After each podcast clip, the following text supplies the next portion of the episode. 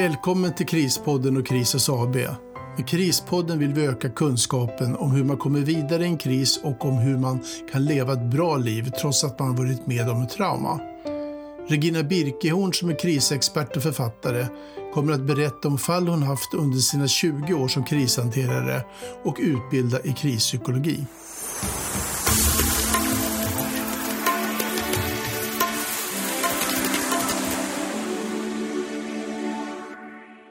Nycklarna som finns i detta nyckelskåp är våra copingmekanismer. Med andra ord, våra strategier för hur vi reagerar och agerar när vi hamnar i kris, konflikt, sorg, stress, även vid separation. De här strategierna som nu jag ska berätta om, de är 15 stycken. Det här avsnittet kommer då att avhandla de sex första. Det spelar ingen roll var i världen man är uppväxt. Skillnaden är bara vilka av dessa nycklar har man lärt sig att använda under den tidiga barndomen. Mallen för hur man ska använda sig av de här nycklarna, de börjar nämligen från första andetaget och när man är sju år gammal, då är mallen klar.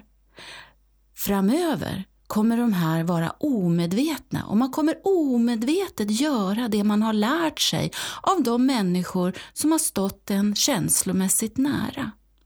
Det här kommer ju då också förstärkas av de där vuxna människorna och när jag blir själv vuxen och vad som finns runt mig i den där vuxna vardagen. Tystnad är en nyckel den här nyckeln är vanlig för många att använda.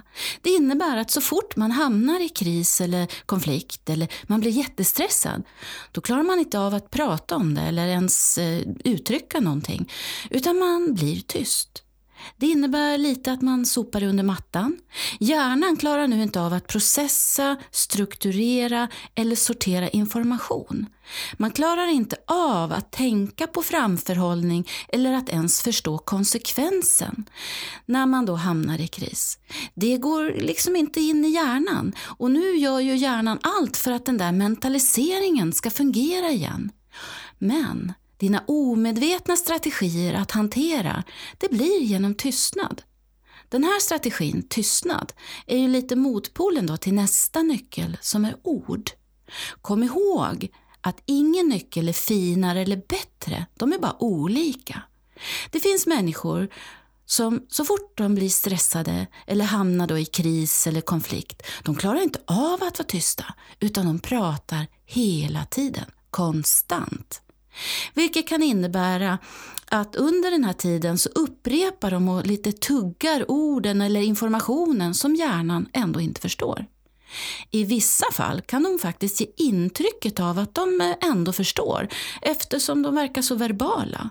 För de har ju många frågor. Men efteråt kommer de sällan ihåg den där informationen som de har fått. Eller så blandar de ihop det med någonting annat som de har fått från ett annat tillfälle. Det kan till och med ibland uppfattas som att de inte är i kris. Men hjärnan klarar fortfarande inte av att processa den här informationen som den nu har fått och som har gjort att hjärnan har hamnat i kris. Det finns en del människor som kommer så fort de hamnar i kris så blir de den där personen som använder en helt annan nyckel. De använder eh, nyckeln lyssna. Den här gruppen människor så, de processar nämligen information inom sig. Men så fort man frågar dem eller ställer en fråga så är de ju ändå kapabla att använda ord. Men samtidigt så är de ju tysta för att de lyssnar. Och som sagt, ingen nyckel är fel eller bättre än någon annan. De är bara olika och de kan kombineras med någon annan nyckel i det här nyckelskåpet. Jag tänkte nu jag skulle berätta för er om den där familjen som drabbas av kris. Den här krisen gjorde att mannen i familjen, han tyckte det, det här gjorde så ont att prata om, så han blev tyst. Han såg till mest att mumla lite, men mest av tiden så var han tyst eller tittade på TV eller bläddrade i tidningen. Och desto tystare han blev, ju mer pratade kvinnan. Hon blev till slut så frustrerad över att han inte ville prata, så hon pratade ännu mer och han blev ännu tystare. Båda två ska nu processa samma information, men omedveten om vilka strategier de använder så använder de olika sätt. Det där i sin tur skapar oftast en konflikt. Barnet i den här familjen blir nu lite det där lyssnande barnet. För pappans tystnad och mammans ordflöde gav inte barnet en chans till något annat. Kvinnan i familjen ringer i sin tur till sin väninna och berättar om vad som har hänt. Och eh, den här kvinnan hon kommer genast över. Hon sätter sig ner i köket med kvinnan. Och Kvinnan hon får då berätta allting och det bara forsar ur henne ur en enda röra. Och väninnan hon lyssnar. Väninnan hon bekräftar det kvinnan säger. Hon tröstar, nickar och då blir kvinnan lugn. Och till slut så blir hon tyst, vilket gör att hennes väninna kan då prata, ställa frågor. Genom frågorna, genom att bekräfta, får nu hjärnan en möjlighet att få igång mentaliseringen som nu ska sortera, strukturera och prioritera informationen som nu har försatt hela familjen i kris. Allt det här uppfattar barnet. Det är som att få en skolutbildning om vad man kan göra när man väl hamnar i kris eller konflikt med någon. Vad barnet senare i det vuxna livet kommer att omedvetet att välja för nyckel beror faktiskt på hur mycket och hur ofta de här nycklarna används och bekräftas genom familjen, kamrater, vänner eller vem man lever med i en relation i framtiden. Omedvetet gör man det man är lärd att göra. Att byta nyckel eller då byta strategier, till det behövs en medvetenhet om vad man gör och vad man kan göra istället för att använda mammas nyckel som kanske inte alltid hjälper. Precis som att komma till insikt med att pappas nyckel att tiga ihjäl relationer, känslor, kriser eller konflikter kanske inte heller fungerar så bra.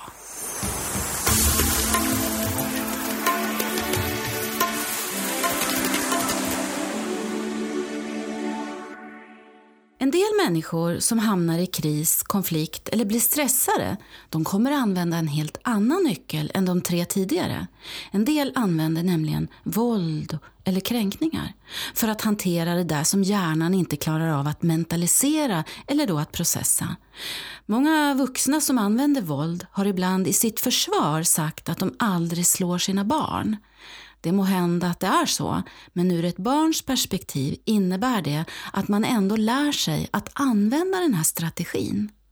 För barn som växer upp med föräldrar som använder sig av våld och kränkningar så fort de hamnar i kris, konflikt, separation eller att de blir stressade kommer då bara att upprepa och lära sig hur de själva ska göra när de inte kan lösa jobbiga situationer framöver i deras vuxna liv. Så fort barn blir utsatta för våld och kränkningar påverkar det barnets förmåga att lära sig att mentalisera och i det får hjärnans kopplingar och struktur att utvecklas på ett annat sätt som gör dem sårbara i framtiden. Det är lika destruktivt för ett barn när man har föräldrar som straffar barnet genom att inte tilltala barnet för att då på något sätt straffa dem för att de har gjort något som är fel genom att inte prata med dem. Gränslöshet är en annan nyckel. En del människor som hamnar i kris eller konflikt, de kan bli gränslösa i sitt sätt att hantera den där situationen. Den här nyckeln, gränslöshet, innebär att man också kan bli ganska curlande, vilket är då vanligt för många stressade föräldrar att bli. Föräldrarna kan då bli gränslöst curlande gentemot sitt barn i sin välmening och ibland på grund av dåligt samvete för att man faktiskt inte har tid. Ibland för att man då lämnar bort barnet i barnomsorgen och att de spenderar mer tid där än med dem själva som föräldrar. Körlandet, eller då gränslöshet, blir en strategi för barnet i framtiden att hantera jobbiga situationer. Här kan det bli jobbigt att ta ansvar, för man är ju van att någon annan alltid löser problemet åt en. Man får helt enkelt svårt att lösa problem. Gränser är en annan nyckel. Här blir en del människor som hamnar i kris eller konflikt, de blir inriktade på struktur, ordning och regler. Vilket kan då ibland låta hur bra som helst. Men om den här är den nyckeln som man använder sig betyder det också av att ny information kommer inte att klara av att appliceras utan man använder sig av det man redan vet. En del personer kan bli riktigt bokstavstrogna och det på grund av att hjärnan klarar inte av att mentalisera eller ta in ny information.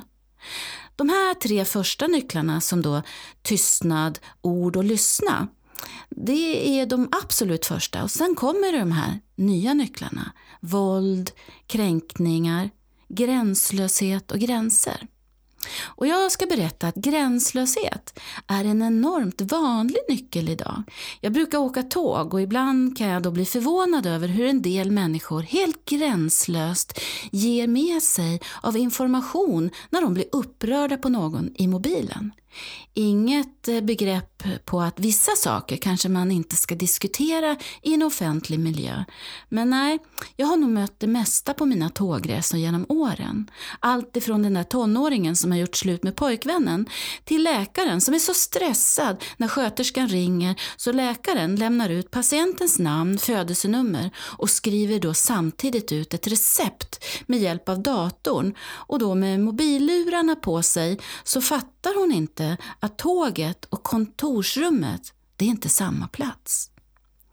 Ibland när jag har utbildningar för arbetsledare, då brukar jag ofta få frågor och då brukar man undra lite om dagens unga som ska ut i arbetslivet, varför de inte är, varför de inte är sådär särskilt självgående. De flesta arbetsledare brukar känna sig mer som en farsa än en kollega till dem. Jag brukar förklara att man, är man van att bli curlad, vilket många unga faktiskt är idag, eftersom ju mer stressade föräldrar det finns, desto mer curlande blir det. Det här gäller då att de vuxna som de också spenderar sina dagar med, och då tänker jag på förskolepersonal och lärare. Man ska ha i åtanke att de där yrkena toppar ju sjukskrivningstalen för utmattningssymptom det får ju självklart också konsekvenser för de barn som de har i sin närhet. Att lära barn att förstå konsekvens och att lära dem att tänka framförhållning, till det behövs det tid, tålamod och ännu mer tid för att låta dem öva, pröva, misslyckas och sen öva ännu mer. Men med stressade föräldrar eller då stressad eh, skolpersonal så finns det inte utrymme för den här processen att bli särskilt djuplodande. Och det här gäller ju särskilt då barn i skolan. Det innebär att du som arbetsledare, du får leda, peka, förklara, visa och berömma. En del ungar, de kommer att lära sig bara genom att du helt enkelt, eller unga människor, de kommer lära sig genom att du själv blir en bra förebild. Men en del människor kommer du alltid få gå hack i häl på, för de kommer aldrig att lära sig. Men de kan fortfarande arbeta. Det gäller ju att du som chef vet hur du ska hantera dem. Detta gör också att unga människor också är mer sårbara för stress. För när de väl hamnar i kris reagerar de oftast väldigt gränslöst eftersom de aldrig har lärt sig att begränsa eller att hålla i sina egna känslor för att kunna ge dem utlopp på rätt plats eller i rätt sammanhang. Det innebär att det kan svämma över när som helst och i vilket sammanhang eller vilket sammanhang som helst sådär gränslöst. De här strategierna kan ju kombineras med varann. Ni har säkert mött den där gränslöst pratande personen eller den gränslöst aggressiva, hotfulla eller kränkande personen som med sin tystnad kan få en att sjunka genom jorden. De här sex strategierna, för det är just strategier, det är de man använder. Och i nästa avsnitt då kommer ni få lära er ytterligare strategier, för det kommer fler. De är ju 15 sammanlagt. Kombinationerna framöver är oändliga. Frågan är bara, vilka är dina?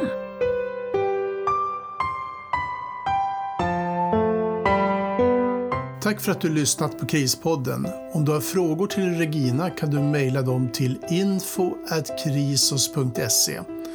Krisos stavas med C.